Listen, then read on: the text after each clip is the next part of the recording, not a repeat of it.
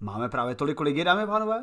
Je krásný čas, 18.00 podle slunečních hodin někde v nějaké části naší planety.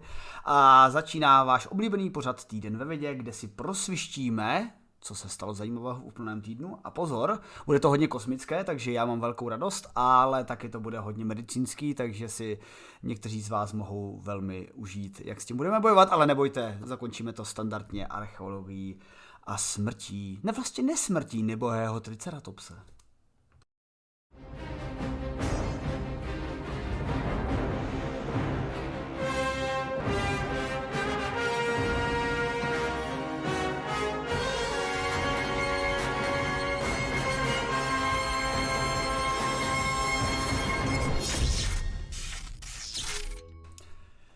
A vítám vás tady i s mým dnešním hostem, který je naprosto standardizovaná sestava, eh, vydátor Pure Saubere, vydátor Ladislav Aděron. Nazdar, Láďo. Uh, čus bus, uh, taky tě zdravím. Tak, tak. Uh, A všechny. Uh, jak se máš po včerejšku? Nejsi přestreamovaný, protože včera jsi měl velkou směnu s Patrikem Kořenářem? Uh, jo, jako mám pocit, že jsem nestihl moc práce, které bych potřeboval stihnout víc mezi tím a ale teď to samozřejmě všechno tady za pochodu uh, doháním, takže budu velice přítomný skoro na jednu hemisféru ano. na streamu a moc se na to těším, jaké to bude, jak, jak, jak budu efektivně vařit z vody. To se s tebou bude zase standardně povídat naprosto krásně. Mimochodem, eh, včera právě eh, Laďa byl hlavním hostitelem streamu s Patrikem Kořnářem a probírali spolu téma věda versus archeoastronauti a kdo tohleto téma neviděl včera, tak na to mrkněte, protože to bylo dlouhé popovídání, já jsem si odpočinul, a tak to mám rád, tak je to ideálně. A možná to někdy zpracujeme na nějakou přednášku. A já poděkuji Martinovi, jestli jsem se díval správně, tak tady byl raid 444 diváky. A pokud tohle to uh, nezamýšlel, tak to bylo krásně nezamýšlené, ale až magické. Ještě prosím, ještě prosím 666 aspoň. Ano, ano. Jako Martin příště mákne trošku víc, přece jenom 444 je trošku slabotka na Martina, no nic, ale každopádně eh, vítejte tady všichni od Marstra Martina Roty, eh, díky Martinovi za tento eh, číslový krásný raid a vítejte na pořadu Týden ve vědě na Vydátorovi, kde si budeme svištět o tom, co se stalo zajímavého v úplném týdnu.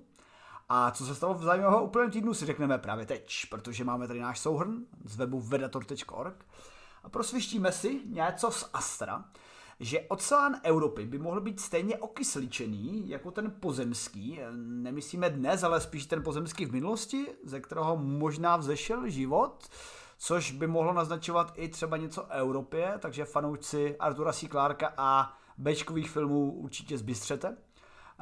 Ve vesmíru zůstaneme eh, z hlediska tématu, který teď nemůžu najít, a už jsem ho našel, protože na podzim dojde eh, k testu nafukovacího tepelného štítu. Takže ne ten pevný ablativní tepelný štít, co znáte třeba z mm, misí Apollo nebo z SpaceX, eh, ale, znáte, ale bude nový nafukovací a podíváme se, jak to, že to vydrží a vlastně k čemu to všechno bude a kdo jim to dovolil. Eh, mrkneme trochu na medicínu. Podíváme se, že boj s rakovinou zase postupuje a závislost nádorů na specifickém typu železných jontů obrátíme proti nim a zničíme je pomocí moderní vědy a mimochodem pomocí moderních přístupů, o kterých já už slyším v rámci studia asi tak posledních jako 15 let a už budu rád, že to konečně z těch článků jako přijde v realizaci.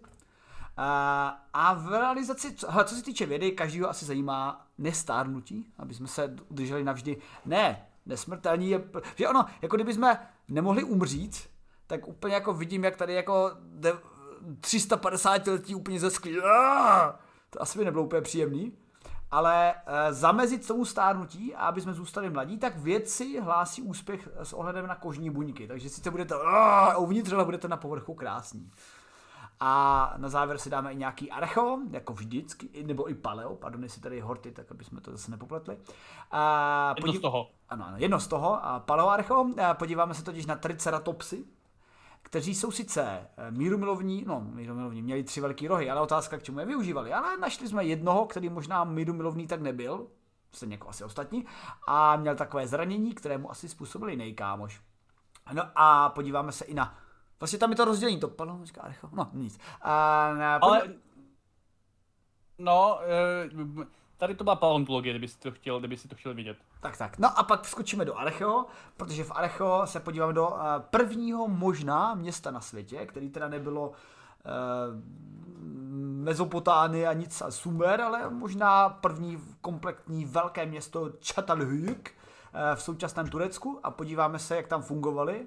A fungovali tam jako asasíni, jak s pohybem po městě, tak s pohřbíváním v rámci uh, baráků, když děláte mise v Assassinovi. Takže na to všechno se dneska podíváme.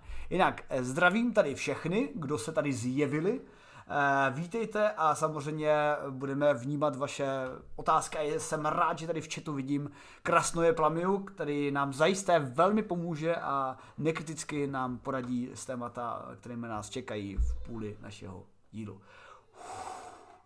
Tak, a jdeme přátelé, do první novinky. A ať se to tak rozpálíme, když tady máme takové krásné publikum, protože já nejvíce všeho miluji vesmír.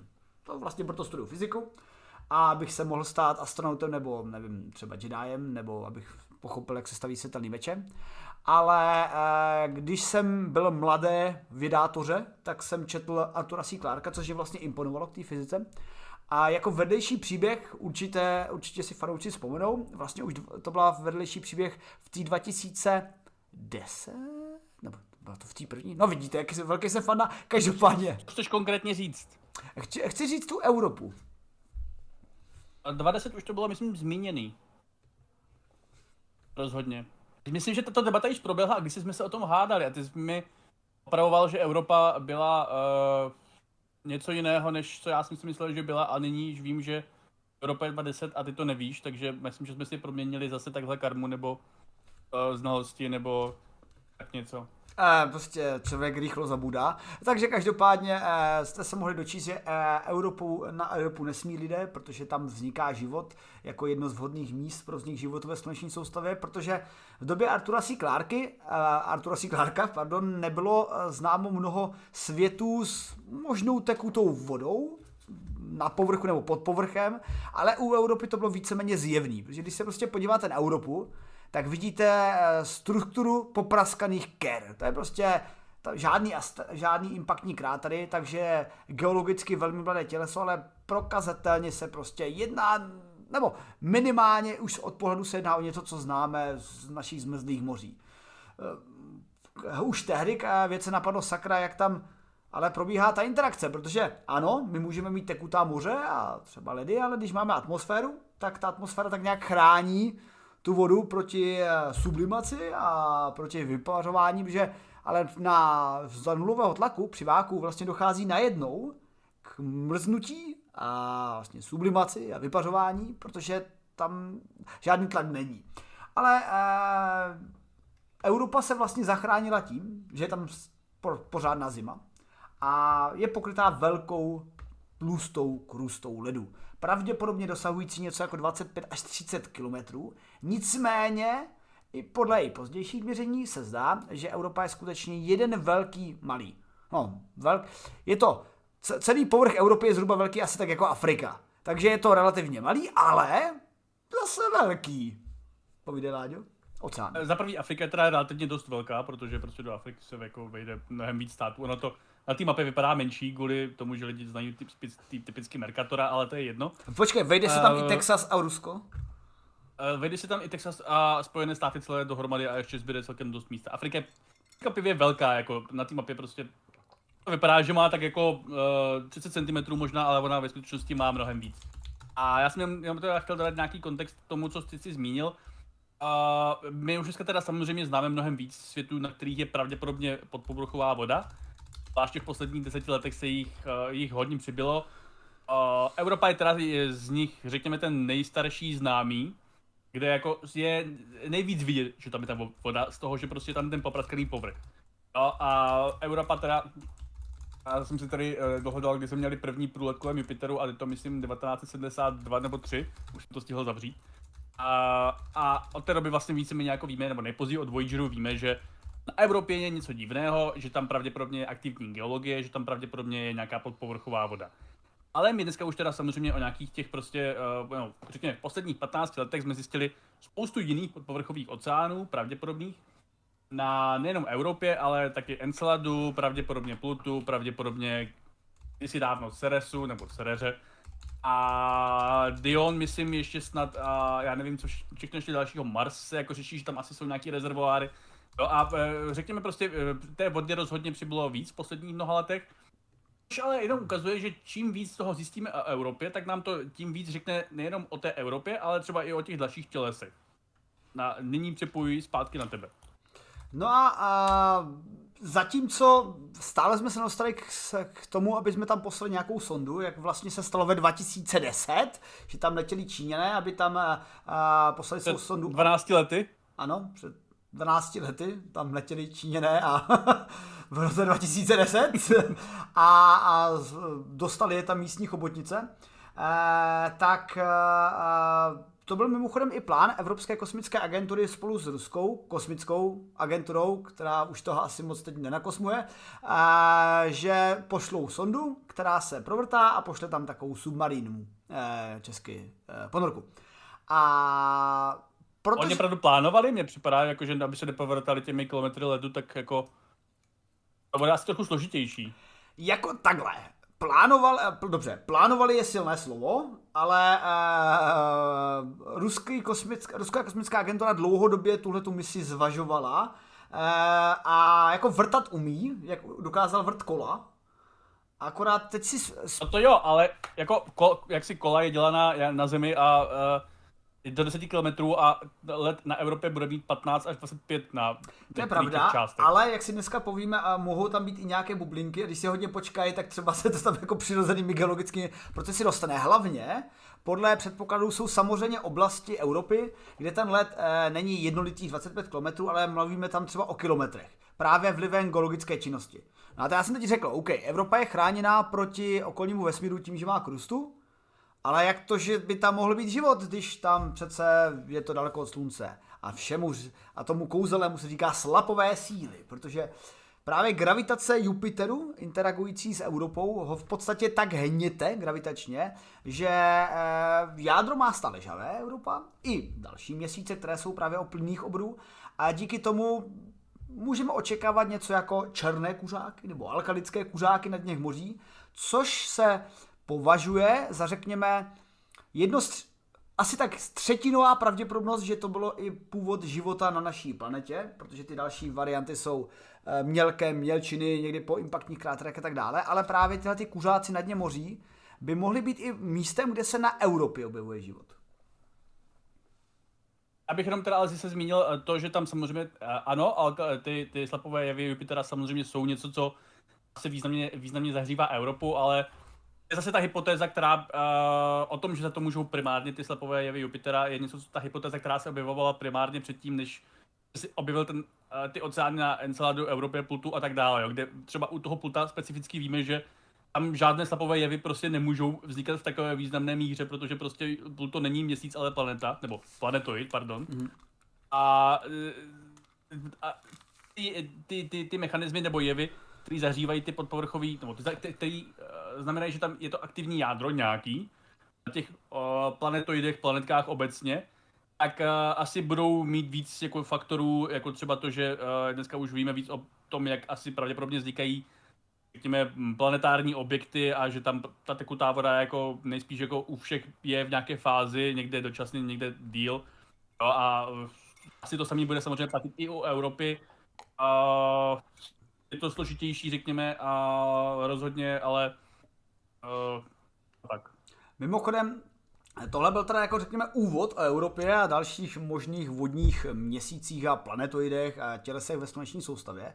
Ale o čem vlastně mluví ta dnešní novinka? Protože eh, tahle mluví o vylepšení toho možného moře a to vylepšení o kyslík, který, jak tak nějak známe z naší planety, kyslík je celkem fajn, máme ho rádi, já, ty, vy, e, mořské potvory. A takový kyslík v mořích by sice nevedl k tomu, že aha, máme tam kyslík, detekujeme kyslík, je tam život, ale eh, paradoxně tým geochemika Marcela Hesse z Univerzity Jackson School of Geoscience přišel na to, jak by kyslík mohl být vytvořen abioticky. A právě ta abiotické vytvoření kyslíku, v podstatě interakce fyzikálně chemickými, mohl pak být nějak transportován do toho moře. Takže ne, že by se objevily třeba, oni by se mohli objevit bakterie, které fungují na kysličníku uhli, na oxidem uhličitým, na těch minerálech vyvěrajících z těch kuřáků a pak svou interakci zpracovat kyslík, to by taky mohli. Ale vlastně Evropa by mohla mít ten bonus oproti naší planetě, že interakcí teda s kosmickým zářením v podstatě v podpovrchových kapsách rozstavené vody, eh, rozstaveného ledu, takže řekněme, že ten led se předpokládá, že by mohl být porezní, někdy by byly různé části slanější vody, eh, obohacené o minerály, které by jako nezamrzaly tak efektivně jako ty ostatní části ledu. A právě v těchto těch kapsách by interakcí kosmického záření, eh, já sám typuju, že určitě by se mohlo jednat o myony, ty jsou také hodně interaktivní, mimochodem O myonech mám pak ještě jednu novinku ohledně tsunami, skvělou, to jsem zrovna opravoval, tak se můžete těšit v příštím týdnu ve vedě. Ale právě ty myony by mohly... Příštím, v při, příštím určitě ne, jako. Tak, tak někdy v budoucnosti jednou. ale právě ty... No, ano. Eh, ale právě ty kosmické částice by mohly způsobovat v podstatě rozklad eh, té vody na vodík a kyslík a v tom případě by se ten kyslík samotný pak mohl dostávat uh, i z těchto těch kapes hlouběji. A to už je samozřejmě nějaká jako předmětem simulace, jak by k tomu docházelo. Pravděpodobně i impaktními krátery, že by tam prostě spadl nějaký shooter, celý by to promíchal v podstatě fyzicky, nebo přirozeně, že eh, jak už ukazuje ten obrázek, tak jako ty krysa lámů tak nějak zjevně přirozeně, jakože k tomu prostě nějak dochází. A, a ta barva právě na té Evropě není jenom, uh, není to, ve skutečnosti hodně z té barvy na té Evropě je nakoupeno od druhého měsíce, protože tam je vlastně taková interakce kolem Jupitera.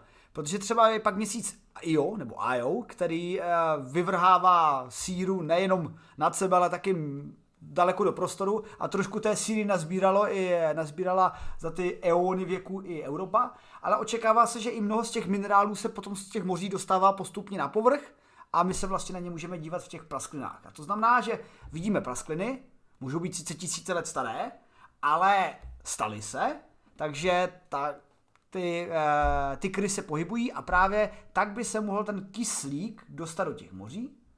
Moře by mohly být obohacena kyslíkem a mohli by tam, když přeženeme nějaký místní ryby, rybo, emzáci, to tam mohli dýchat a sice asi to by to úplně nebylo na civilizaci a Eh, stavby ze strážce moří, ale mohlo by to být aspoň na takové jako plácání se tam někde nějak. No, já eh, bych možná dodal, že ta studie teda, jako, nebo ti, ti autoři té studie nemluví o tom, že by to bylo pro rybo, lidi nebo ryby, ale že si, si lze představit, že by tam mohly vznikat nějaké mikroorganismy, nebo respektive, že by ty mikroorganismy mohly využívat toho kyslíku. Ten kyslík obecně je prostě eh, výhodnější, evolučně výhodnější plyn pro jak fungují organismy, my na to máme hezký článek od Johnnyho Kolára, já bych ho nerad reprodukoval, protože jsem ho pochopil tak nějak jako na půl, ale je výhodnější než jiné plyny. Eh, život může fungovat s jinými plyny, jo, jako my jsme tady že měli před velkou kyslíkovou událostí 2,4 miliardy let zpátky, spoustu, uh, nebo eh, život tu fungoval na jiném plynu, než uh, nějaký dusík nebo co to bylo. A ten kyslík, uh, tím, že vlastně pak se objevily uh, kyslíkové formy života, které vlastně jako uh, vzali tu vládu nad zemí v podstatě, tak díky tomu jsme tady my dnes, protože kyslík je prostě efektivnější pro mm, využívání tý, to, jak ten organismus metabolizuje tu energii.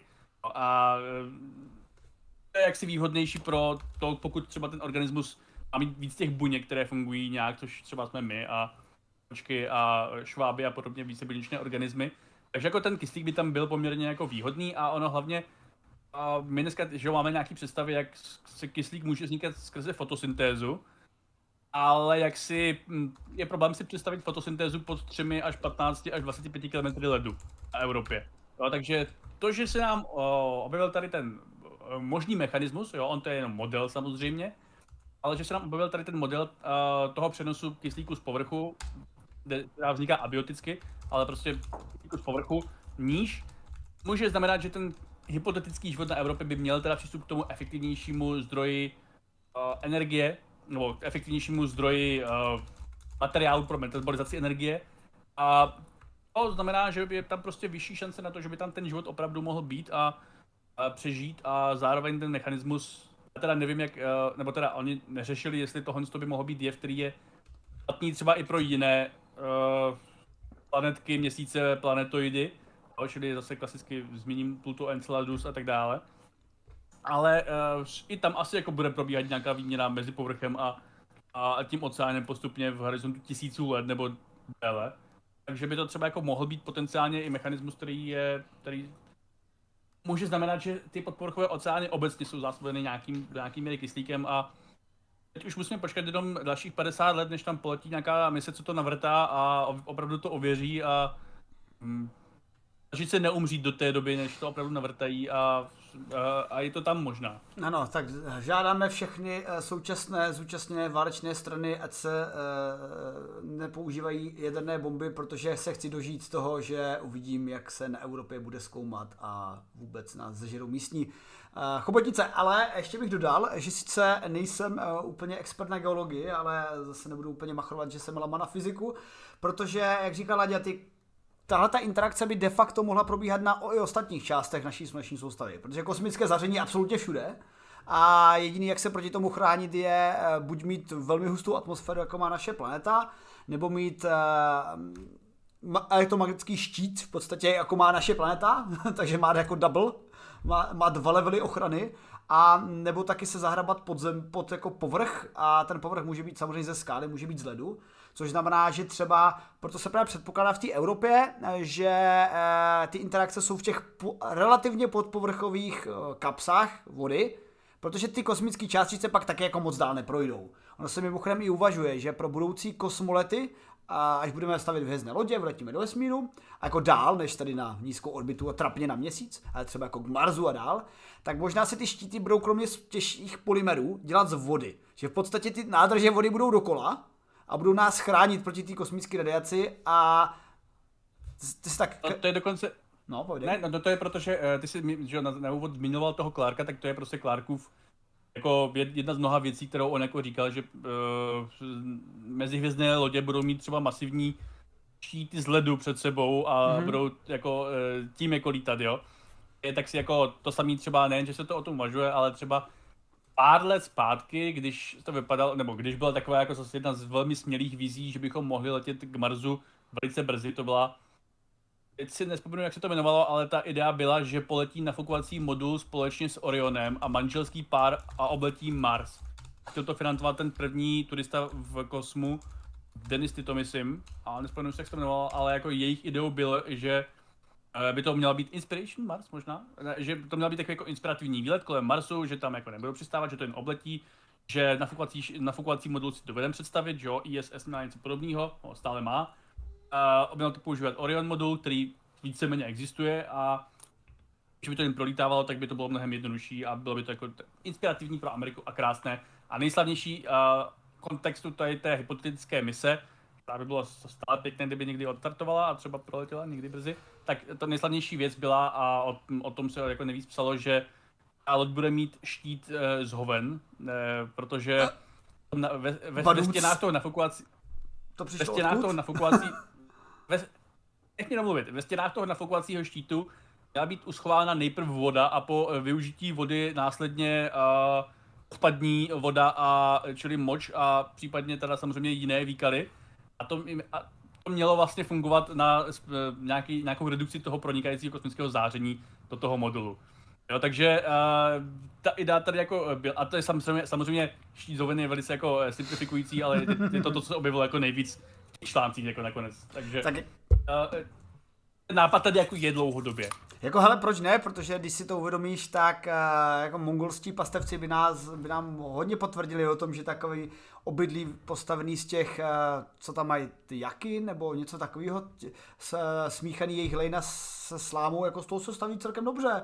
Takže...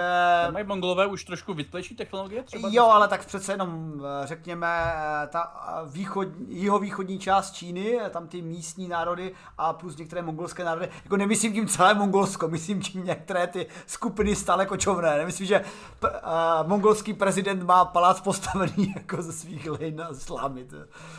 Jesus. No dobrý. Tak bylo by to stylové.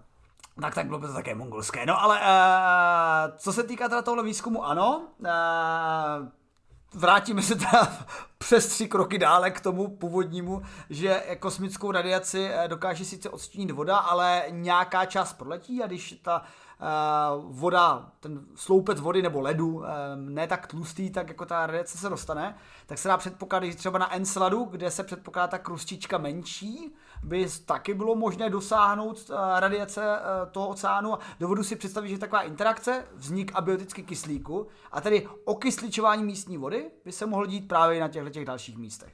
Mimochodem, my jsme se přece bavili, ty si zajisté vzpomeneš na detekci vody na měsíci, nebo molekul vody na měsíci, což by bylo zrovna měsíc pro měsíc velmi revoluční, protože bychom ji tam mohli nějak těžit a a každý napadne sakra, kde se vzala voda na měsíci, tak překvapivě zase z interakce kosmického záření, protože eh, oxidy na měsíci těch máte hromadu, to jsou v podstatě ty nerosty tam, jako to je eh, oxidy vázaný na nějaký další prostě železitý, eh, eh, titany, kse, křemíkové rudy, všechno to.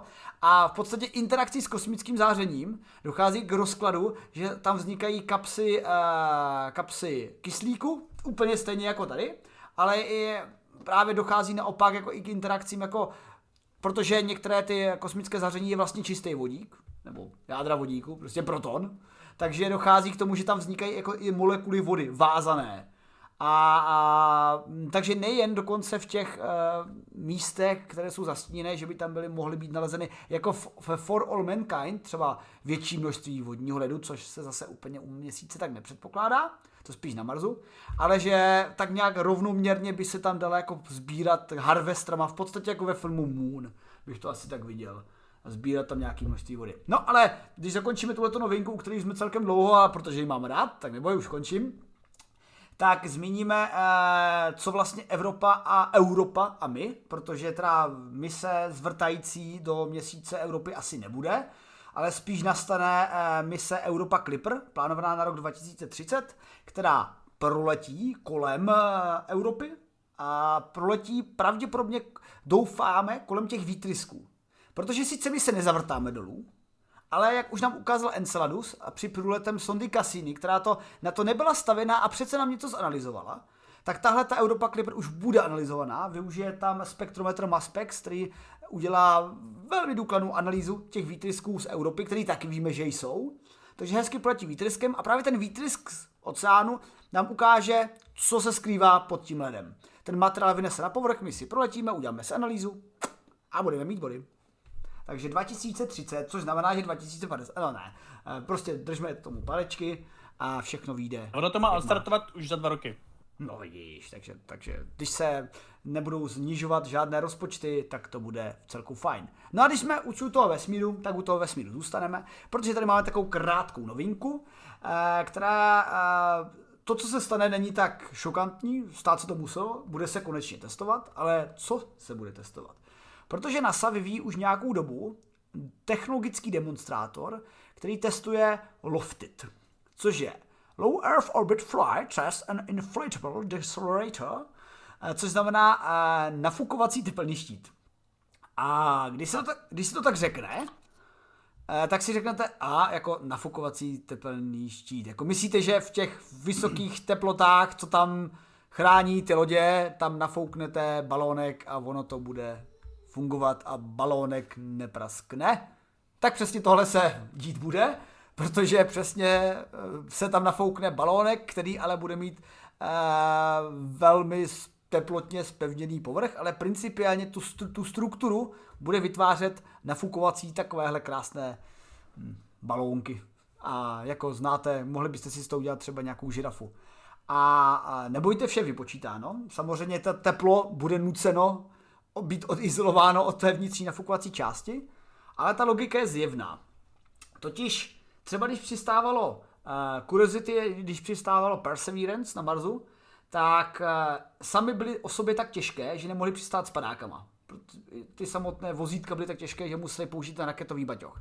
Ale i když tam přistávali, tak ani by to celý nezvládli, a taky především, že by si tam blokovali tím štítem, tak museli vyhodit ten teplotní štít, protože ten je fakt těžký. A jako hodně desítek procent celé hmoty tvoří teplotní štít. Ale nafukovací teplotní štít by už tak těžký být nemusel. Aha. E, e, e, děkuji za, děkuji Laděvi za příspěvek. Já, já, teda, já, jsem teda, eh, já jsem to teda sice linkoval, ale nečetl jsem to. Tohle je to, co tam psali v tom Cosmonautixu, nebo? Ano. Jo, tak to je zvláštní, protože já jsem žil spíš v tom, že ten ide, že ide od nafukovacího teplotního štítu je nebo aspoň ne samozřejmě tady toho konkrétního testu, mm-hmm. jo, protože ten konkrétní test, jak si testuje pouze, nebo pokud se nepletu, tak bude testovat jenom vstup do atmosféry Země a mm, jestli to jako nezhoří víc, než by to mělo zhořet. A to je jako víceméně celý, ne? Ano? Ne, tak tohle, tohle, tohle je demonstrátor, který musí, uh, musí testovat uh, propojení celého systému.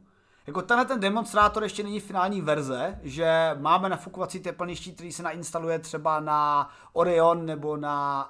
Uh... Ne, to ne, ale jako bude, to, bude tady to testovat jenom, jestli to funguje v kosmu, nebo bude třeba i testovat, jestli to nehoří uh, v postupu do atmosféry. B je správně. B je správně. Bude to, tak, tak hele, takhle. On nafukovací štít nepotřebuje fungovat v kosmu. Proč by to potřeboval fungovat v kosmu? No, protože právě proto, co se snažím říct, ideou nafukovacího štítu je, eh, nebo aspoň teda jako v budoucnosti, no. by mělo být spíš to, že to budeme používat na aerobraking. Jo, ale eh, jo, tak jako moje poznámka směřovala eh, spíš tím směrem, že ty nafukovací štít potřebuješ až ve chvíli, kdy je v kontaktu v nějaké atmosféře a ta atmosféra třeba může být atmosféra Jupiteru.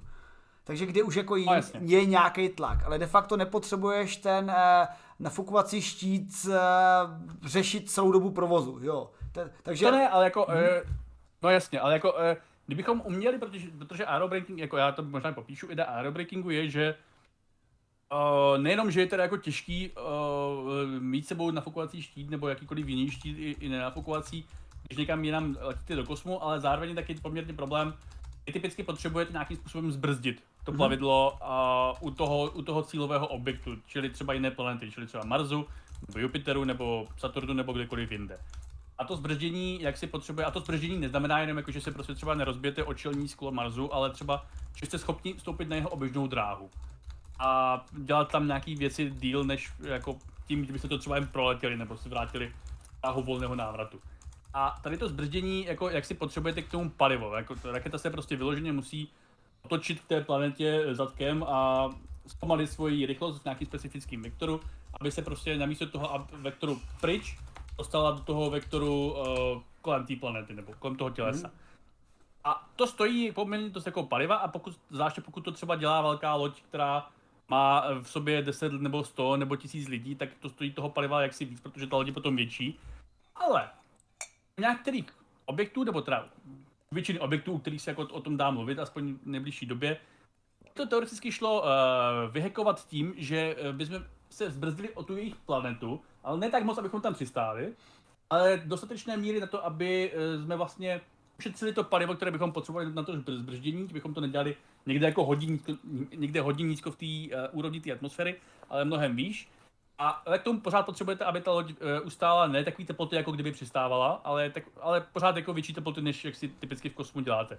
A kdybychom mohli mít nějaký nafukovací štít, který nepotřebuje tak moc, aby jsme, uh, ne, ne, uh, který nemá tak, nepotřebuje takovou výdrž, jako kdybychom přistávali, ale pořád zvýší výdrž než nulu, nebo jako než prostě, uh, než, než, než, než bez něho, aby se ta loď jako rozpadla tak bychom mohli ten nafukovací štít, to je mimochodem taky 2010, uh, tam to používá Lord Leonov krásně, uh, ten aerobraking, tak bychom mohli ten štít uh, nafouknout před prostě kosmickou loď a ona by ušetřila palivo, respektive to palivo by nikdy nepotřebovala k tomu brždění, a samozřejmě potřeba by ten štít tam někam narvat, ale ten štít zároveň prostě by nemusel být tak fortelný, jako kdyby ten štít byl používaný opravdu pro, pro přistávání na té planetě a místo toho paliva by prostě ta loď třeba mohla mít sebou mnohem víc, já nevím, eh, posádky kyslíku nebo nafukovací kachníček, to vlastně ten štít, takže něčeho jiného užitečného, build nebo něco, co je potřeba opravdu hodně na Marsu, tak eh, by se vám mohlo, eh, byste tam toho mohli prostě narvat víc a a ještě by se to potom, jak si hodilo i pro ty zásobovací mise, zase nelze podceňovat to, jak moc paliva chemické rakety potřebují uh, kdykoliv, kdy něco aktivně dělají, čili když někam startují, nebo někde přistávají, nebo i vstupují někde na orbitu, jo, a sondy se bez toho aerobrakingu samozřejmě nějaký míry obejdou, protože si můžou dovolit větší uh, přetížení při tom vstupu do té atmosféry z toho meziplanetárního prostoru, lidi by s tím mohli mít trošičku větší problém, zvláště pokud třeba nevím, tam jednou budeme chtít posílat lidi ve velkém a nejenom super odolné kosmonauty, kteří vy, přiš, eh, prošli super komplexním výběrovým řízením. A, ale tohle je všechno vlastně celá jenom moje domněnka, eh, k čemu by ten štít jednou měl sloužit a vlastně o tom samotném experimentu nevím nic, takže ne, hele, jen krom toho, že si to teda plánuje. Ano, hele, naprosto správně, já už jsem jakoby pochopil z tvé poznámky, jako kam si směřoval, uh, proč si se mnou částečně nesouhlasil, protože máš pravdu. Tenhle ten nafukovací štít není ve finální fázi plánován pro Zemi, je plánován právě pro další planety, pro Mars, pro možná pro aerobraking, uh, která je relativně náročný typ uh, zbrždění a, a přesně na ten se můžete podívat právě v 2010 ve Odyssey filmu, ale uh, teď je to testováno tím experimentem samozřejmě na, logicky na Zemi, a to zařízení lovčice teda skládá v současnosti z několika dílů bez kosmické lodi. Přední segment zajišťuje propojení samotného nafukovacího štítu se systémem, který bude testovat, jestli to teda uh, je všechno propojený a obstará to jeho nafouknutí. Střední část pak obsahuje rozhraní pro spojení s raketou, tam bude jenom testován nějaký buzzback, jestli fakt to spojení funguje, nebude tam celá tak. A, a, ale také nějakou elektroniku, řídící datové a energii hospodařící systémy a zadní segment zase obsahuje odhoditelná záznamová zařízení, kamery, ale i padákový systém. Takže to v podstatě bude jako štít se sondou, bez sondy, jenom tam budou ty padáky a všechny ty věci, ale ne ta, ten obytný modul a drahý náklad a tak vůbec. Takže ano, Ladě říkal správně, že tenhle ten štít právě pro úsporu hmoty je plánován pro eh, hlubší solární systém, ne naši planetu. Tam si vystačíme standardně s nějakými návraty tam a zpátky. Ale eh, my si ho samozřejmě napřed otestujeme zde. A... Ale ještě bych teda, Pojdi. ještě bych teda možná uh, dodal, uh, ono se to myslím jako něco podobného už testovalo pár let zpátky, jde na Havaji, ale nejsem si jistý, jak, jestli to netestovali jako, jako atmosféře, jestli jako to bude fungovat, nebo jestli to shodili i z kosmu, to bych musel bych konzultovat svůj externí paměť. Jaký máš takový dojem, ne? Nebo... Jo, hele, eh, takhle, já se přiznám, že nafukovací štít a jeho testování a jeho vývoj už tady byl před asi jako sedmi, osmi lety jsem ho sledoval. A pak najednou umrzl a nic se nedělo. Říká, aha. A teď najednou, že se testuje nafukovací štít, tak mě taky, taky první napadlo, však to už se někdy testovalo, ale teď se předpokládám, už testuje prostě důkladnější verze nafukovací štít 2.0, no tak prostě třeba neměli granty tehdy, jako jo, to bych zase jako, nebo, nebo něco takového, ale a, a zároveň já jsem třeba spekuloval, ne, ty si nejsem jistý, jestli jsem spekuloval já, nebo jestli to bylo i někdy, jestli jsem to někdy četl, ale že když se pár zpátky taky mluvilo o tom, jestli Falcon 9 druhé stupně nepokusí zachránit, tak uh, se tam taky spekulovalo, jestli by je, jestli by si nevystačili s nějakým nafukovacím štítem, protože mm, já se to třeba podívám. A kouzelné, kouzelné přistávání lodí SpaceX jako zachytávání vrtulníkem, zachytávání na patičky a další šílený psychedelické věci, co nemůžou nikdy fungovat. Ale na to se zeptáme Dušené někdy, až tady zase. Už jsme tady dlouho neměli, vidíš. No, Uh, tak to zatím dohledej a já teda uh, dokončím, že uh, tenhle ten test by měl proběhnout relativně eh, velmi brzy. Eh, nevidím tady sice eh, přesný termín, ale... Na podzim, myslím někdy. Na podzim. Tohoto roku. Jo, tak myslím. vidíte, tak to máte na podzim celkem rychle. Takže se pak můžeme, můžeme podívat, jak to dopadne a já se každopádně budu těšit, že eh, díky tomu lidstvo bude zase přistavovat trošičku efektivněji na planetách, jako je Mars, potažmo Titán, tam letěl jsem já, tam bych se taky mohl těšit. Ale uh, už to našel, nebo už můžu přijít na další novinku? A nenašel jsem to, byla to možná jenom nějaká moje spekulace už to nějaký ten pátek, ale jako vím, že si to plánovalo, nebo jako, že se o tom uvažovalo, že by mohli zachraňovat druhé stupně, ale mm-hmm. jestli by se jim tomu hodil nafukovat štít, pouze, asi to byla pouze moje domněnka. Dobře, tak opuzme téma, které nás, eh, které, ve kterém jsme si jistí a pojďme do tématu, který jsme si jistí eh, asi trošku méně a to jsou eh, závislost nádorů na železe. Eh, protože podíváme se trošičku na medicínu a jak zase postoupil velmi populární téma boje proti rakovině. Z začátku si řekněme, že rakovina není jenom jedna. Rakoviny je mnoho typů a, a projevuje se na různých částech těla a proto bojovat proti rakovině jako jde pouze brokovnicí. To vyřešíte jakýkoliv typ rakoviny celkem univerzálně, ale pokud chcete vyřešit rakovinu a nevyřešit nositele rakoviny, tak musíte specificky se zaměřovat i na jednotlivé typy rakovinového bujení.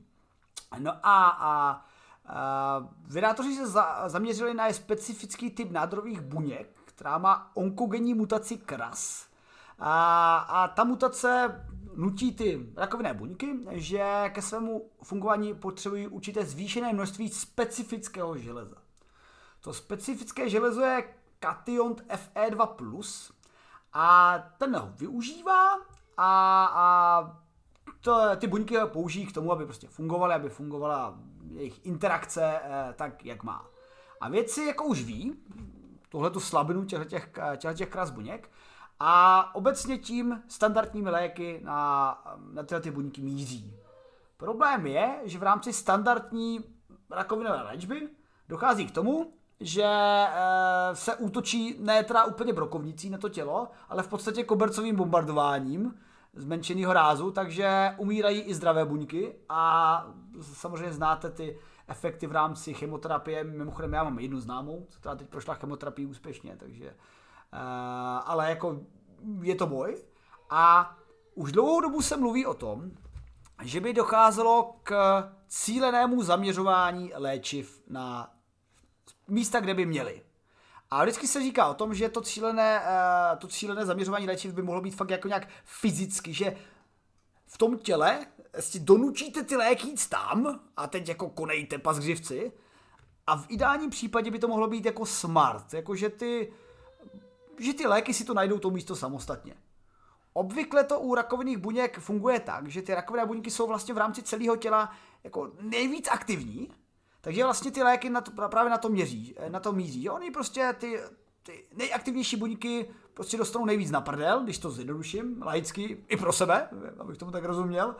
A, proto to funguje, ale dostanou teda tu dávku i ty ostatní buňky. Ale v tomto případě eh, to je důležité to zaměřování buněk. Já si teda pamatuju před několika let, že to zaměřování se uvažovalo třeba magneticky. Že bychom zavřeli ty buňky do nějaký takový jako třeba fullerenu, možná někteří budou vědět, ale třeba jako i jiných takových jako kapsiček, které by se mohly magneticky navádět fakt jako principem úplně stupidním, že eh, tady mám něco, problém, tak tady dám magnet a teď jako to spolknu tak, tak, a tak jako budu, a, tak jako dostanu to sem postupně, jako samozřejmě ne, prostě jak, jak, jak, jak si to ta látka vám neprojde skrz všechny orgány, kosti, prostě na to, ale prostě postupným působením a, a právě třeba magnetických nosičů a tam by se pak třeba změnila jako mm, intenzita magnetu, nebo by se tam dalo nějaká jiné záření, které projde tělem, eh, třeba infra a to by spustilo, to by uvolnilo ty léky z toho nosiče.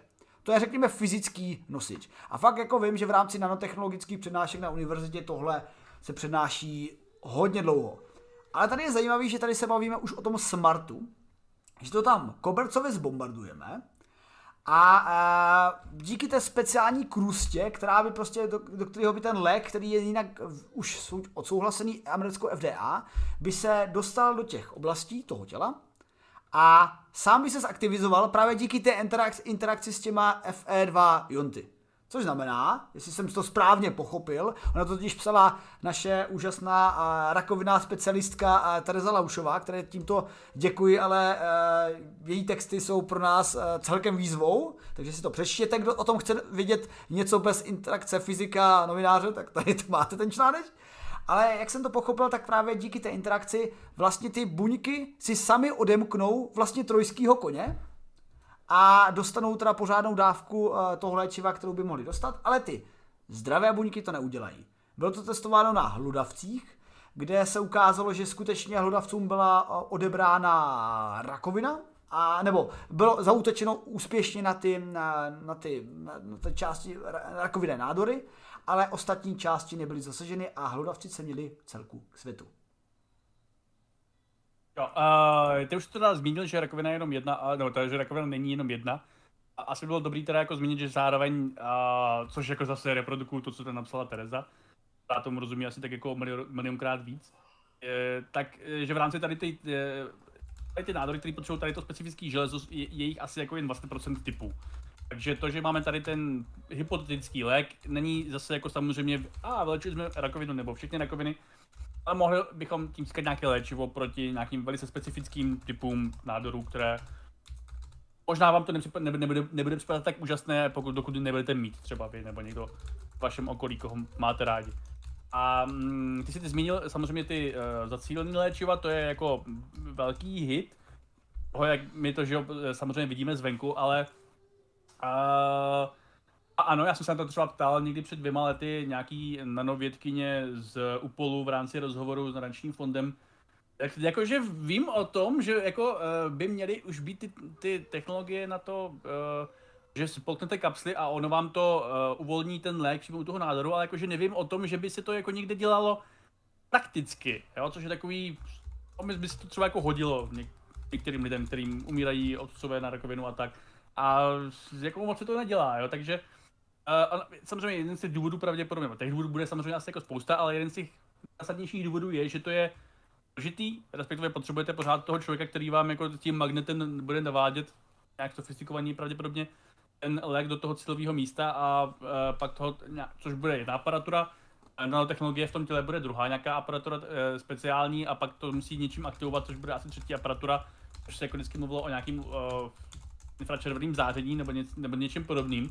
Takže to je jako to typická nemocnice prostě v hranicích na Moravě nebo někde tak jako uh, v Horní Dolní uh, asi jako nebude mít, ale to, pokud to budou ty léky dělat sami, jo, pokud se sami budou uh, zvládat zacílit nějaký specifický nádorový buňky, tkáně, cokoliv, tak to je samozřejmě jako uh, něco úplně jiného, to je malá výhra. Úplně stejně tak já nevím, uh, je něco jiného, když si vezmete uh, prášky proti nemoci a ono to jako funguje samo, než když tam tu nemoc musel prostě jako třeba vyoperovat z těla, jo, nebo, e, nebo nějaká jako podobná věc, na kterou je potřeba jaksi víc člověku hodin odbornosti e, lidí a technologie a tak dále a přípravy a tak dále. Jo. Takže pokud by se a, nejenom tady pro ten jeden výzkum, ale i pro spoustu jiných bychom naučili ty a, léčiva se zacílit sami do toho těla, tak by to byla jako, jako samozřejmě významná jako změna zápletky a zároveň, pokud jsem opět pochopil správně ten Terezin uh, článek, tak uh, my už máme v podstatě ty léky, které tady to umí dělat a to, ta, to co je nový na tady té studii, je, že to právě na, uh, jenom, jenom zaměřili na ty nádorové tkáně, takže uh, vlastně ten lék samotný už je jako schválený, ale nyní ho máme lepší a časem bude třeba ještě lepší a lepší, až bude úplně nejlepší. Tak tak, až bude nejlepší na celém světě a každopádně vydátoři uh, věří tomu svému postupu i díky předschválení, že vlastně využívají už v současnosti schválené léčivo, které jenom navážou na tohohle nosiče.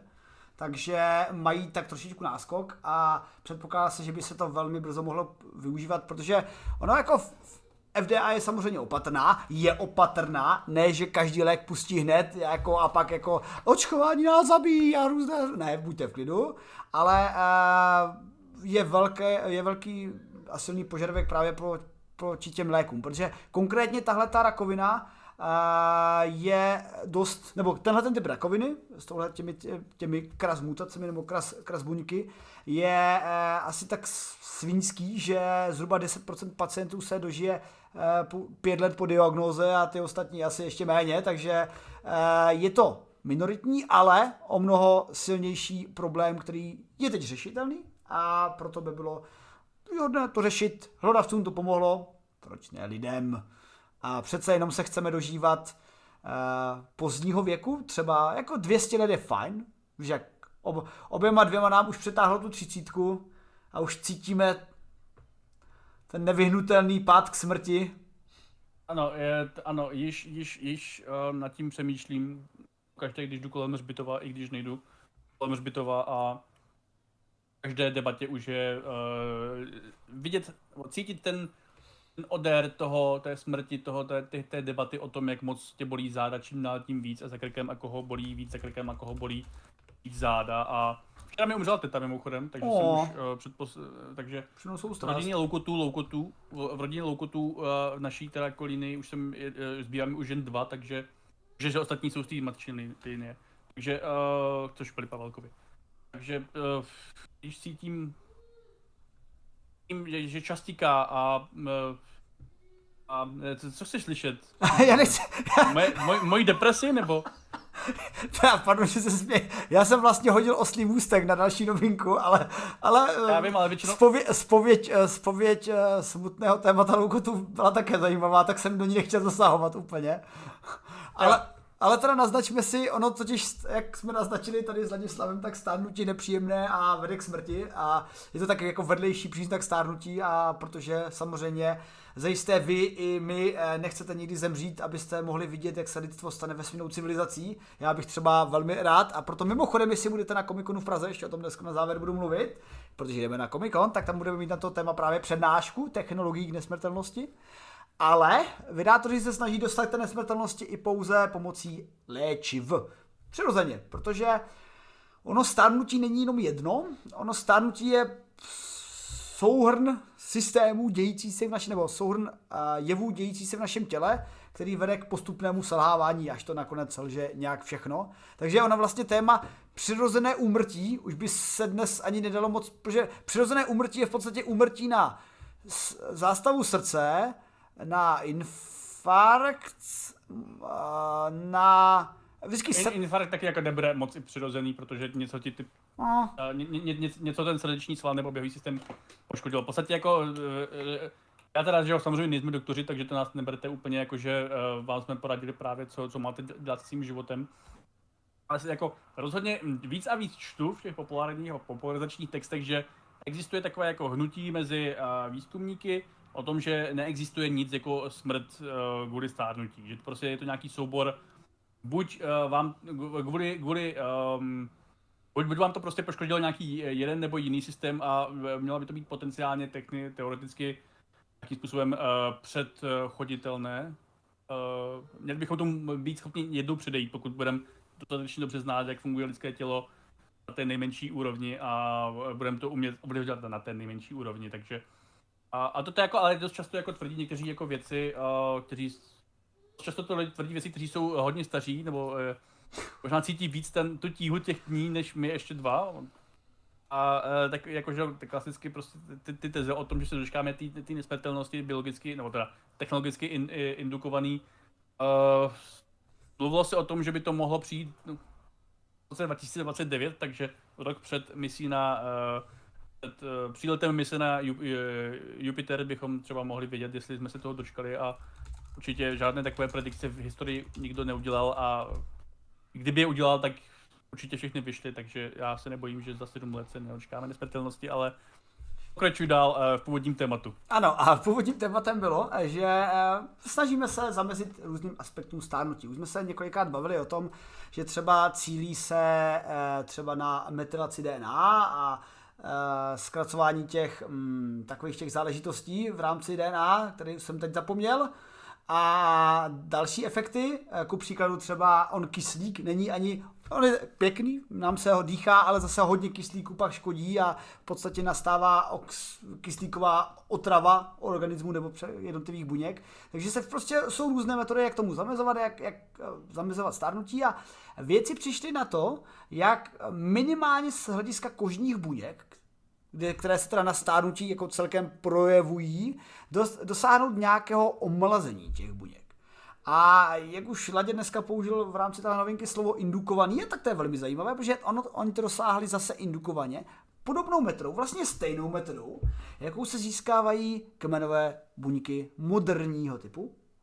Protože to je úplně jiný téma, kmenové buňky, stárnutí. Hmm.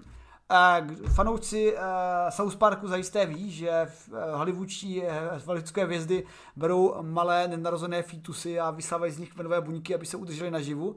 Takže...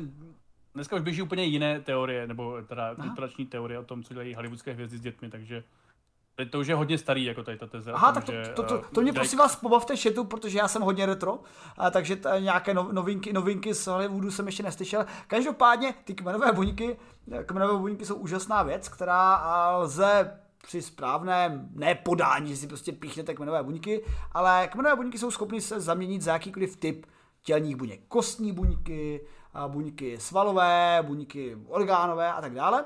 což taky vlastně principálně se stane, když máte zárodek a zárodek prostě je hromada kmenových buněk, které se pak specializují na jednotlivé orgány. No a, a dřív jsme mohli kmenové buňky právě těžit pouze tím Parkovským původem, jako ne, nenarozených embryí, ale teď už se dají dělat i umělé eh, metodou IPL, za kterou vlastně byla dána Nobelova cena, což je, eh, že jsou to indukované pluripotentní buňky. Nepletuli se, dochází k tomu v podstatě nějaké interakci snad i rak získaných rakovinných buněk nebo i nerakovinných buněk s pomocí nějakého smyslu chemikálí, to doplníte spíše vy, ale uh, principálně... to si myslím. Ale principálně tahle ta metoda se využívá a tým, který uh, využívá tuhletu technologii, tak zkusil využít k získání uh, kmenových buněk staré buňky, staré, staré, starší osoby, uh, 53 leté dárkyně, ale udělali takový zajímavý experiment, že to tam neponořili na tak dlouhou dobu, jakou to měli ponořit, tu směs těch buněk do toho, do, v rámci toho z té směsi pro IPL, ale ponořili to tam na mnohem kratší dobu, takže místo 50 dali 12 dní. A stalo se to, že jako nezískali tu kmenovou buňku, jako indukovanou, ale získali furt stejnou kožní buňku, ale omlazenou. Takže podle všech aspektů ta buňka se chovala jako 23 letá mladá nebo stará buňka. Což... O, o, spíš, spíš než omlazenou by bylo dobré používat slovo uh, přeprogramovanou na to, aby vypadalo omlazeně, protože... Ej, jako jasně, ano. Jako... Sfungova, sfungovanou víc, lépe, znovu, zpátky. A jako to omlazenou zní jako samozřejmě... Přeprogramovanou. No jasně. Ale tak jako přepro... Ale tak chceš mít přeprogramované buňky staré, nebo chceš mít jako omlazený buňky? To je prostě PR, kámo. Mě, jako já to, já, mě, mě, to nebude vadit, když budu mít přeprogramované buňky, které mě, eh, které který mé dílo bude efektivnější, jenom jako zase je to jedna studie a uh, ne, ne, a je samozřejmě otázka, co jako na tom uh, s, tím jako objeví nějaké další jako vyrátoři, kteří to budou třeba aplikovat jako znovu. A zatím bych prostě použil, že jo. Programovali ty buňky mají znovu vlastnosti, které působí, že jako kdyby byly mladší, ale možná bych prostě počkal s, s, tím, s tím, slovem na O, jestli, co si o tom myslí ty další týmy. Tak tak, a každopádně je teď teda otázka, jak tenhle ten výzkum by mohl být použit pro reálnou, reálné omlazování kožních buněk ve fungujícím člověku, kterým ty kožní buňky jako- neze, nevezmeš? Ty tam ponoří na 14 dní a hmm. vylezeš ven a budeš mnohem mladší.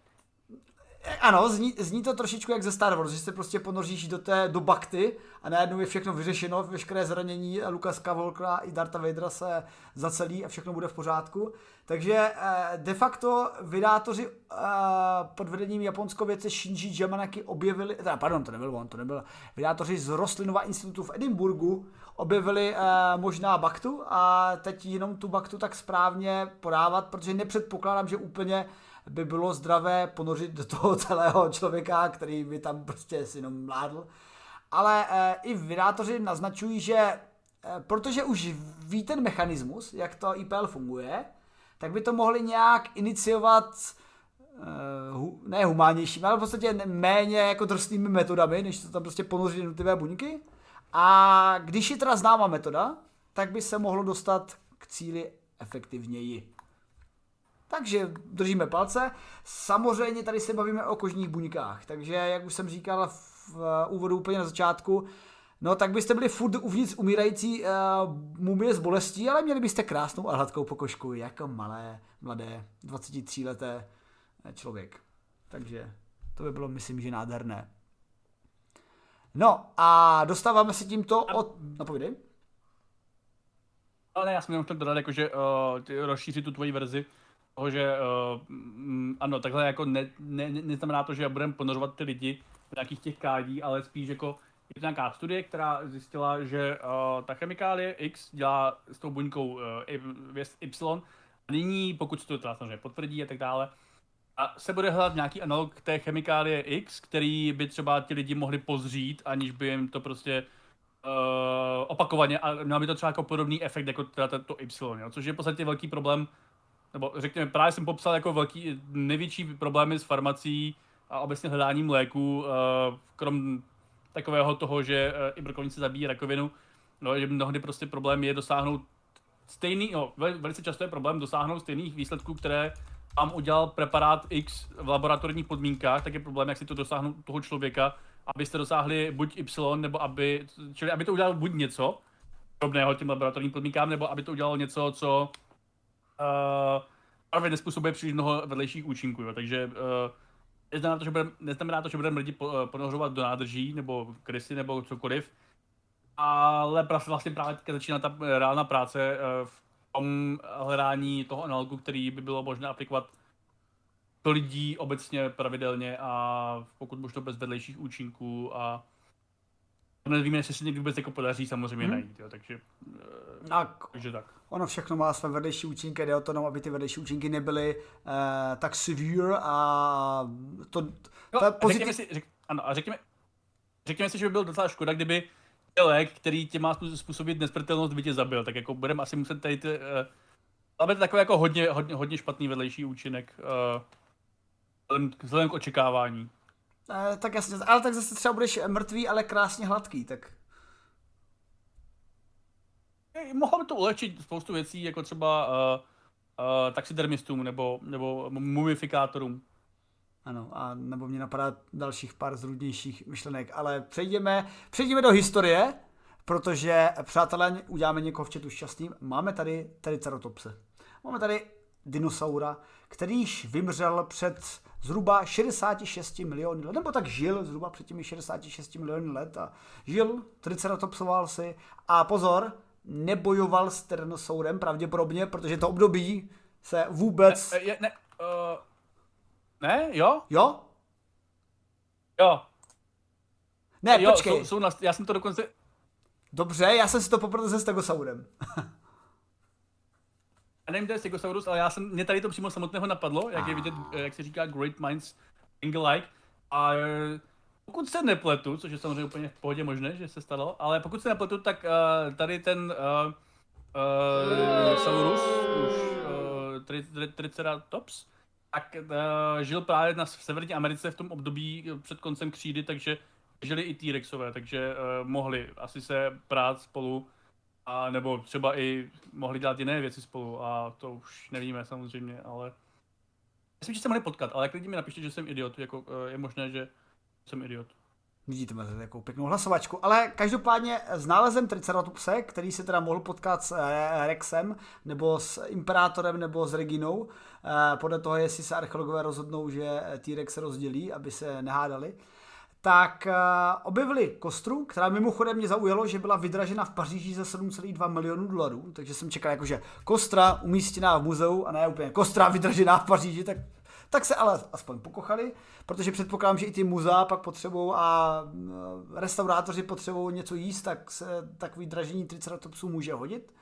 A tahle ta kostra byla úžasná v tom, že byla nalezena až 60% funkčních, nebo 60% kostí bylo nalezeno komplexních, skamenělých, takže to zbytek kostřičky bylo nutné dodělat jenom 40%.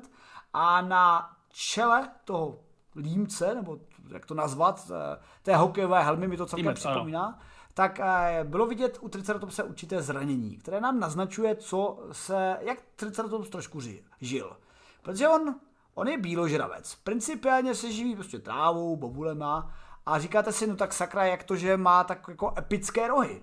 No tak ty epické rohy mohly mít z několika, jako přirozeně každou napadeno k obraně. Ano, k obraně mohl být, ale taky to třeba mohl být spíš jako aspekt pro páření se se samičkami. Hele, já mám velký rohy, to znamená, že mám i velký nohy a třeba já jsem ten správný samec, tak pojď za mě. A podle téhle té rány se ukázalo, že skutečně i triceratopsy, ač bíložraví, eh, měli to především kvůli ochraně, Eh, protože eh, tahle ta rána, kterou vidíte tady na to obrázce hned za tím rohem, naznačuje, že pravděpodobně byla způsobena dalším typem tohohle rohu, takže při boji s nějakým jiným triceratopsem a dokonce zákeřně vedena ze zadu, takže má takový tvar klíčové dírky, trošku byla zapáčena.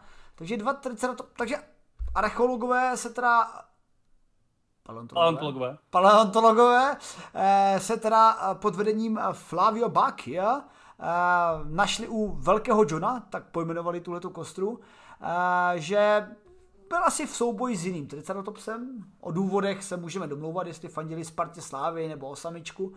A došlo k tomu, že nastalo zranění, které však pravděpodobně nebylo úplně fatálním, minimálně ne v ten moment, protože další zranění na kostech naznačují, že se ještě nějakou dobu potom léčil a vyléčili se ta různá zranění, což je, mě vždycky fascinuje, že tady máme prostě skamenělinu, starou prostě 66 milionů let a oni zjistí, jo, on ještě žil pár měsíců poté, prostě to tady nám, to, nám z toho vychází, takže skvělá práce paleontologové. Ne, tak, to, tak to, to, to poznáš, to poznáš ve, ve skutečnosti mnohem jednodušší než spoustu jiných věcí. Mm-hmm.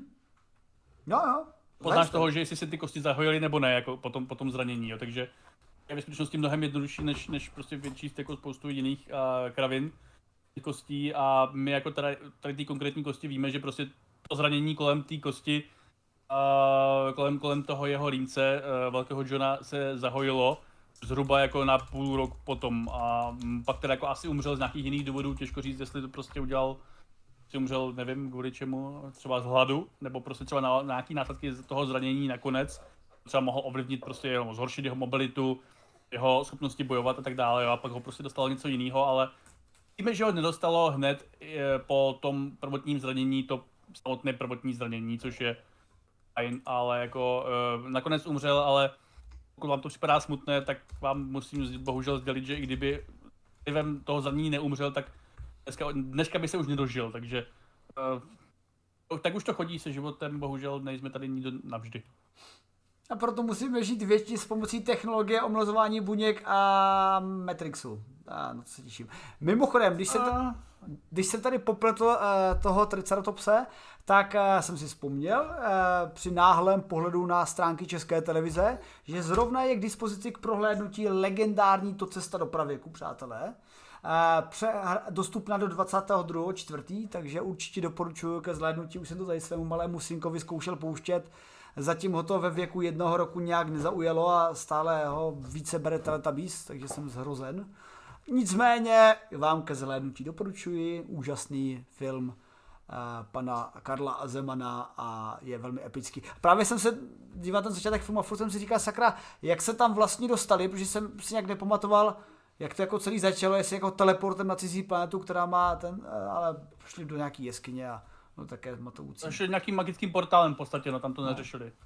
Ale, ale bylo to byla mnohem jednodušší, byla mnohem jednodušší doba, co se týče loru a kanonu a uh, pravidel. Tak tak, Te, teď už, teď už jsou uh, lidé důslednější na, na nějaký d- detaily a Už je to strašně přepíčený. No třeba, třeba vlastně... To strašně přepíčený. Ano, ti dinosauři samotní třeba, že jo. Uh, podle dnešních nejnovějších poznatků by třeba takový Tyrannosaurus rex by měl vypadat spíše jako kombinace Tyrannosaura rexa a přerostlé slepice možná.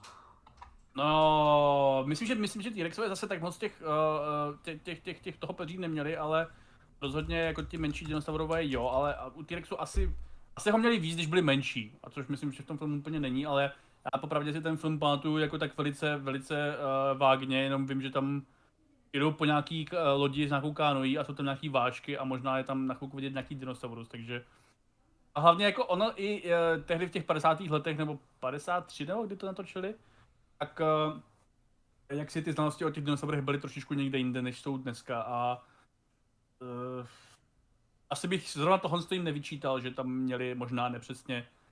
A hlavně bych si to musel dočíst a nakoukat znova, jestli, jestli to opravdu měli nepřesně. A bych to, bych to poslal Petru Jirsákovi, nebo, nebo jak jmenuje ten náš fanoušek, co kontroluje všechny dinosauří texty, který má mnohem, mnohem větší znalosti, co se týče paleontologie než já, takže uh, a dinosaur, din, dinošů obecně, můj hlavní přínos uh, uh, zkoumání dinosaurů je, že, jsem, že, že se snažím popularizovat uh, pojem dinoš, jako zkrátka dinosaura, takže to je, uh, to je můj příspěvek k lidstvu, je, to, je, to, to je něco, co bych chtěl po sobě zanechat. Ale já myslím, Laďo, že už teď si uh, lidstvu jako příspěvek zanechal, protože tvé novotvary biočich a ještě nějaký, myslím, dva tam taky máme. Biočik ve skutečnosti, Biočik je ve skutečnosti ukradený od Michala Rybky oh. z nějakého starého levelu.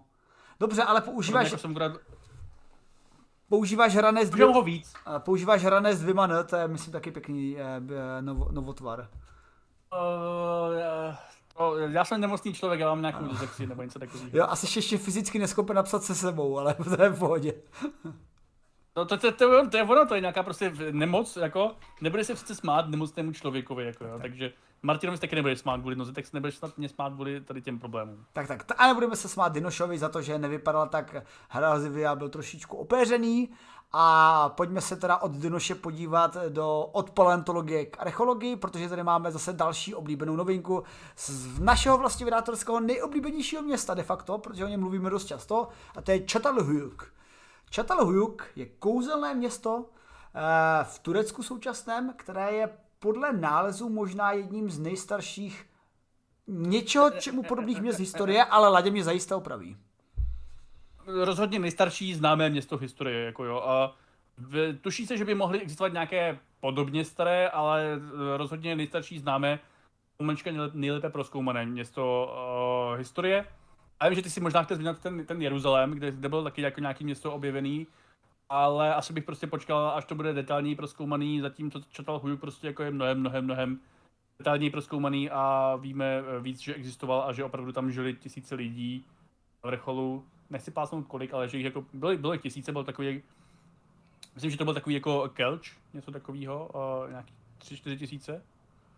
Uh, fanouškům Kelče tak ti možná vědí, ale, ale zbytek státu nevím, jestli ví, ale každopádně byly tam tisíce lidí, době, kdy jsme si mysleli, že lidi prostě byli primitivové, kteří možná žili v nějaké malé vesnici s pár uh, rodin, rodinama, jo. Takže tak uh, víme, že Četalhuj prostě je objektivně starší známé město, uh, možná byly některé starší, ale to uvidíme až v průběhu let, až se to víc potvrdí či vyvrátí a ale to neznamená, že to město uh, Četalhujuk, městis, uh, nebylo v některých ohledech z našeho dnešního pohledu poněkud zvláštní.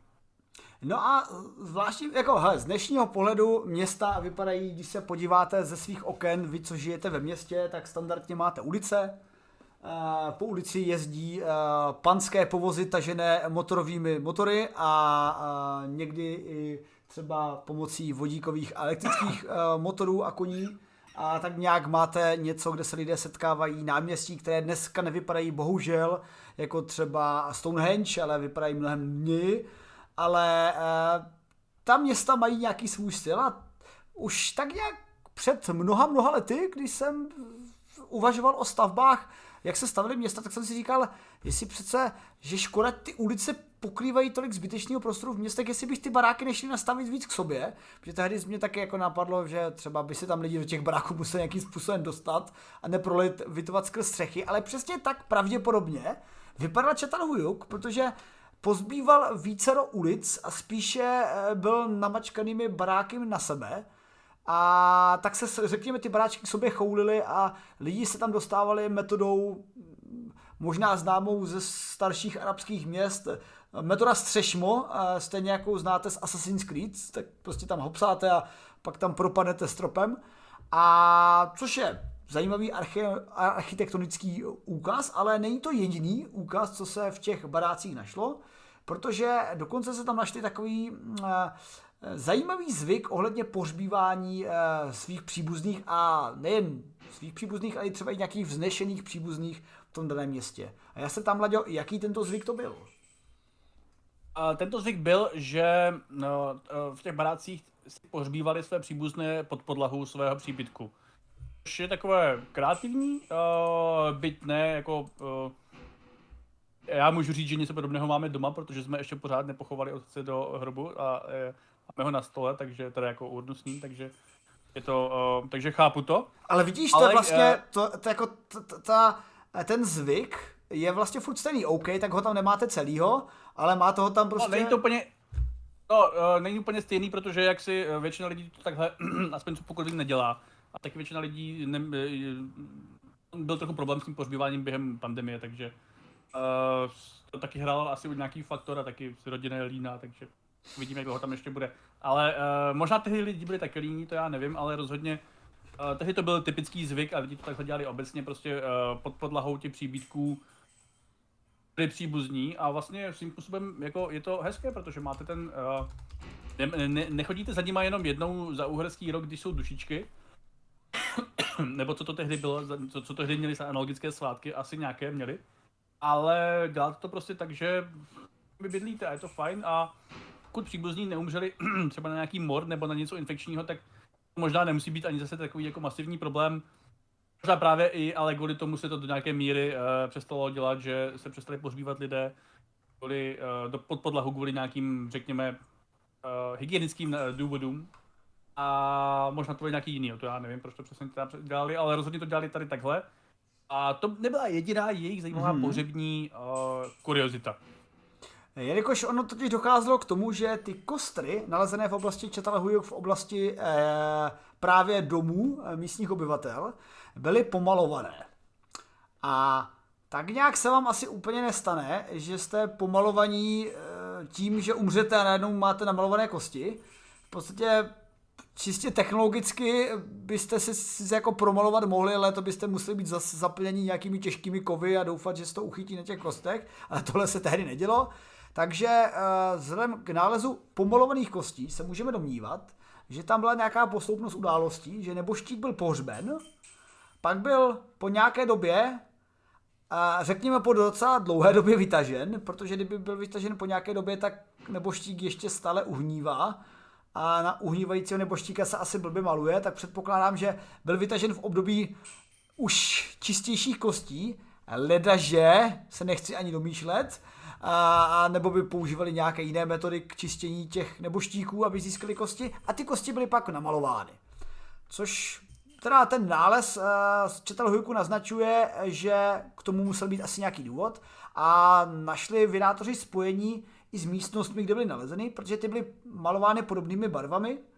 A může to naznačovat, že vlastně jsme svědky takového jako prvotního pohřbívání náhrobních kamenů. Že sice nebylo to venku, náhrobní kámen a popisek, ale prostě byl pohřbený kostlivec, teda byl pohřbený neboštík, byl mu tam namalován nějaký, jako a zde leží uh, Lord uh, Muhyuk, který byl mocným bojovníkem a zabil hodně templářů.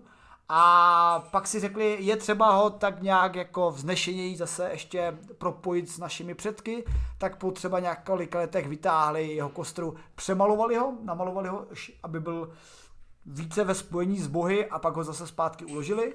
A zajímavý je, že našli i různé typy barvení, jak podle vznešenosti, pravděpodobně, tak můžeme se do... Asi, asi nemalovali úplně každýho.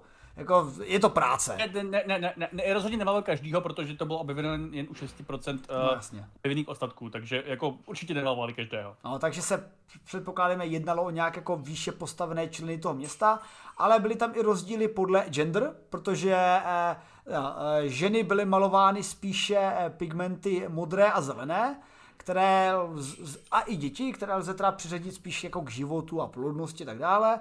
A muži zase byli barveni do odstínů červené, které třeba naznačují jako válečnictví a tak nějak ty agresivnější barvy. A je to jako taková pěkná ukázka, eh, jak se vlastně vyvíjelo hrobnictví, jak už Vladě naznačil. Napřed prostě se nechtělo dávat jako hřbitovi daleko, ono, znáte to, bez náhrobních kamenů, kteří by to tak nějak zajistili, ono mohlo přijít místní a jiní a vyhrabat to. A navíc, jako dovedu si představit, když k ním dáš nějaký eh, dražší cetky a dáš je mimo město, tak co se stane naprosto přirozeně? No. Vys Egypt. No jasně, no, jako vykradou ti to, což tady se někdo ptal v diskuzi, jestli by nebyl problém prodat uh, dům a odstěhovat se jinam, uh, když máš pod podlahu příbuzné to je výrazně menší problém, pokud jste jediné město na světě, aspoň teda známe samozřejmě, no, ale uh, pokud se nemáte kam zastěhovat, tak jako tento problém odpadá. Uh, uh, a možná to je třeba i důvod, že třeba já nevím, jako třeba se dá, je to čistě spekulace, ale třeba uh, my víme, že samozřejmě Čotal Hujuk potom někdy zanikl. A teda jako samozřejmě tradičně se tvrdí o tom, že zanikl kvůli tomu, že došlo ke změně klimatu, byl tam méně vody a méně stromů a méně prostě věcí, kterých se dalo žít, takže lidi se někam přestěhovali a ta kultura zanikla v té své prapůvodní podobě. Ale třeba vymřeli kvůli tomu, že prostě nebyli, neměli dostatečnou mobilitu uh, kvůli tomu, že se nemohli odstěhovat, protože jejich rodiny byly pod jejich podlahama. Asi jo, no. Ale jako my podle nálezu víme, že lidi byli i v té době daleko více mobilní, než jsme si mysleli, protože takový ten starý předpoklad nejenom pár tisíc let zpátky, ale třeba tady jako 200 let zpátky, že naši předci tady žili na vesnici a nevystečili nohy z vesnice, uh, to se možná u některých dělo, ale u mnohých se pak zjistilo, že fakt cestovali i v neolitických dobách, což, což lidé byli cestovalí a pružní vždycky a předpokládáme, že se samozřejmě pak ty zvyky z Čatalhujúku a dále šířily, prolínali. Já bych to možná jenom dopl... já, já bych to možná jenom doplnil trošičku. My jako samozřejmě víme, že ti lidi, mnozí tehdy prostě nějakým způsobem cestovali, respektive v neolitu lidi rozhodně cestovali, protože jak si to, že chodili po krajině a lovili, byl jejich modus operandi a mm-hmm. ta zvěř se po té krajině pohybovala. A asi během té čatalhujské éry už nějaký, no, tady v té konkrétní specifické populaci, jinde po světě samozřejmě stále měli, měli ten, měli ten uh, neolit. Tady během té čatalhujské éry asi jako samozřejmě nějaký míry usadili, ale pořád museli někdy získat to jídlo, jak si nejedli pouze vzduch a buzné možná a mm, by dalo smysl, proč by měli pod tou podlahou, kdyby to byly kanibalové, ale to je spekulace jenom moje, právě teď jsem si vymyslel. A zároveň jako my teda víme, že i během toho neolitu ti lidi měli mnohem bližší vztah s těmi svými zesnulými. Jo. Uh, uh, že já dva roky zpátky, tady, tady u té novinky bylo hezké meme, které jsem recykloval z nějaký dva, tři roky starý jiný studie, kterou psal teda Petr Zajíček, ještě tady to jen zkontroloval, myslím, tak uh, tehdy, tehdy tam byla věc, uh, tehdy tam byla studie o tom, že myslím si, že používali lidi uh, svoje pří, kosti svých příbuzných nebo nějaké fragmenty kostí svých příbuzných jako korále a jiné prostě uh, bižutery na sebe, jo. takže mm-hmm.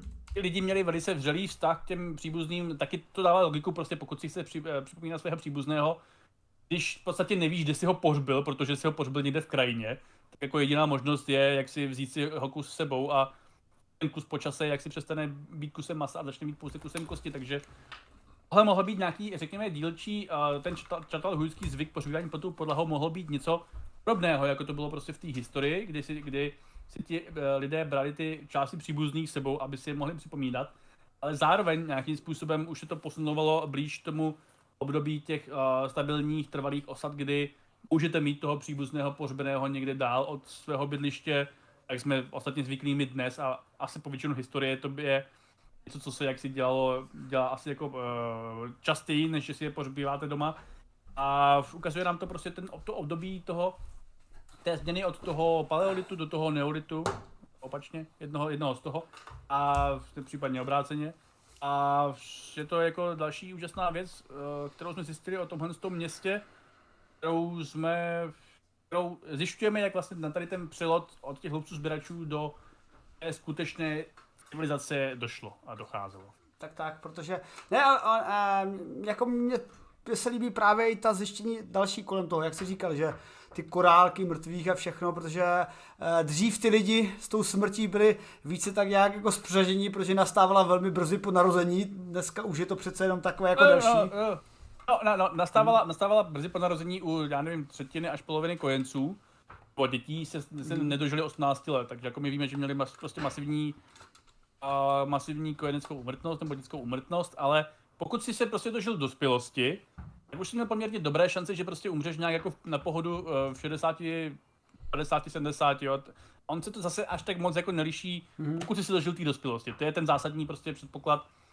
E, takový, takový to, že se lidi dožívali jen 30 let, to, pra, to, to je právě průměr i při započtení konecké umrtnosti. A mm-hmm. jako je to takový jako úplně ne, nemoc pravdivé, protože prostě buď si umřelo hodně často v dětství, anebo už si poměrně s, po, s dobrými šancemi žil dál. Jo, samozřejmě bez, ohled, bez ohledu na války, morové epidemie a podobné věci, které se prostě jako děly nějaký, nějaký častější frekvenci, než asi jako třeba dnes, aspoň pro nás v Evropě tady ve světě. Tak tak. Kde jinde to můžou mít třeba jiné. Jo.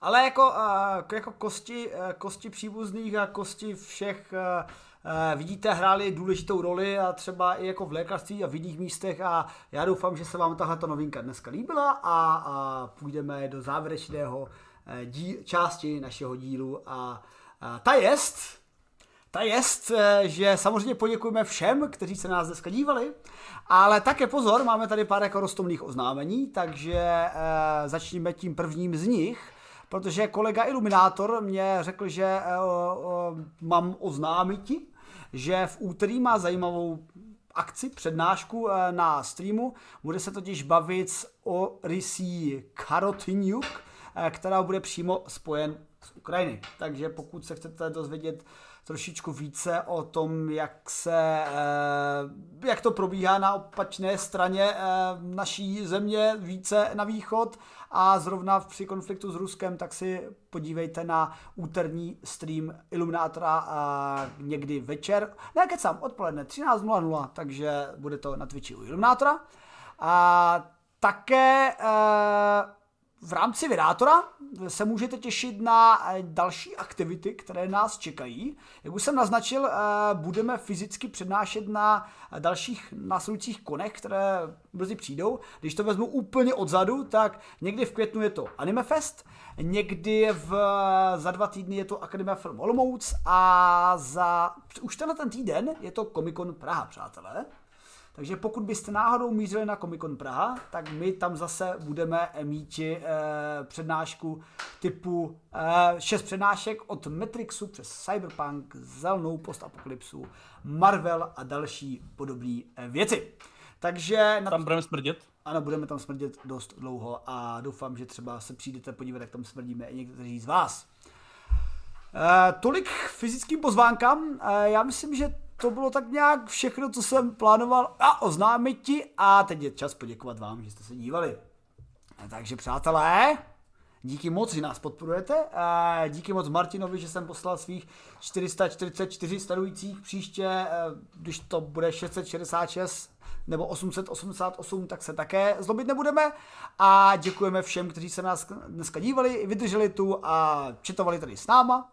Takže velký dík eh, těm, co nás také podporují, saby, eh, partnery a třeba startovači, protože si nás chcete podpořit, tak nás můžete podpořit jako patroni našeho startovače na Vydátorovi. Něco třeba jako 50 korunou měsíčně, nebo když jste neskutečně odporně bohatí, tak třeba a vaše kosti budou namalovaní na červenou nebo modrou, tak i třeba 500 korun měsíčně. A dík patří současným autorům, kteří jsou Talanta, Kána von Bluberge, Štěpán, Hakl 6, Lapka Tom, Turek Jirka, Kler 7 KV, Ladislav Cupa, Tomáš Zita, Spirit 96, 333 stříbrný stříkaček, Aden Samová, Guky 1980, DJ Sklamal, Kandis, Petr Hr, Tom Smelek, Diprůšová, Jakub Halama, podcast z vydátoři, Jaroslav Bezděk, Ola Svensson, Lukáš, Zeusovo, tedy Diovo, Tonda Mikasan, Lej.cz, Maxwellovi démoni, Martin Ibríšek, Sobolí ucho, Arakasi a Vítě R. Sledujete nás i na YouTube, takže díky i členům našeho YouTubeovského kanálu, kteří nás podporují svým členstvím. Takže díky moc Miroslavu Šindelkovi, Karlu Říhovi, Mati Urbanovi, Jefferson Hope, Vektorovi, Jaroslav Linka, Václav Klement, Josef Kukla, Robert Racák, De Kakadinka, Martin Holec, Miloš Kvasil, Sir Alexevič Kuzněcov, Josef Hoffman, Martin Botezatu a kolega Dobré vědět.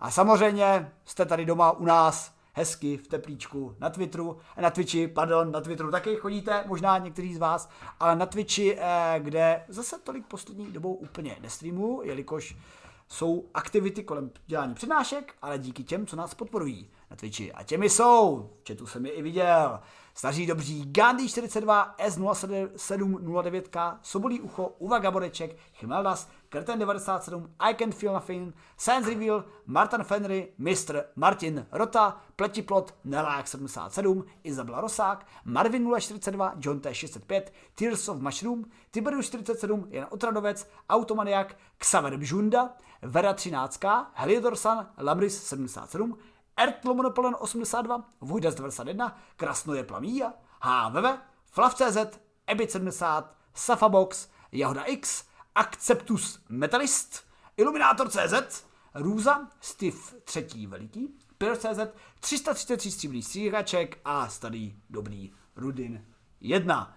A ještě jsem plánoval že oznámím, nebo se spíše zeptám, protože přátelé, máme tady takový e, zlou nepěknou věc, nějak nám tady povymídali normálně modi, už jich tady tak moc aktivních nemáme, takže děláme takové, ne úplně výběrko, v podstatě komu z našich starých dobrých hardcore fanů by se chtělo.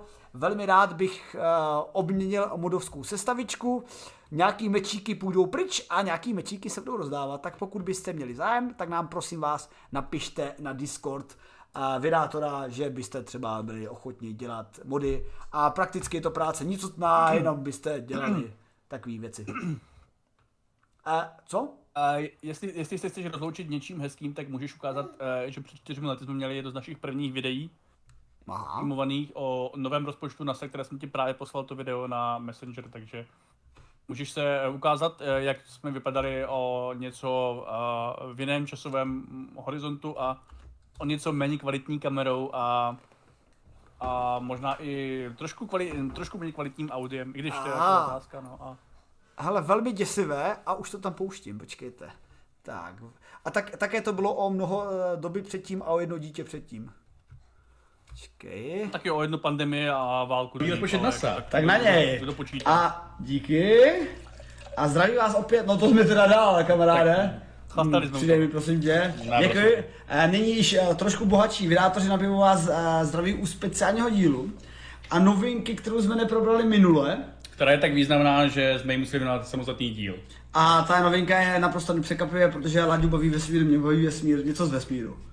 A Jak jste viděli, eh, kvalita byla bídná, mimochodem pokud se chcete podívat, tak já vám to pošlu, abyste viděli, jak jsme byli retroušci, ale také prostě díky za to, že nás podporujete, protože nejen teď, že mám lepší kvalitu na všechny ty streamy a záležitosti, ale také eh, v budoucnosti je plánováno, protože uh, už jsem párkrát říkal, že v červnu se budu stěhovat a spolu s Fluffem budeme stavit trošičku nové streamoviště.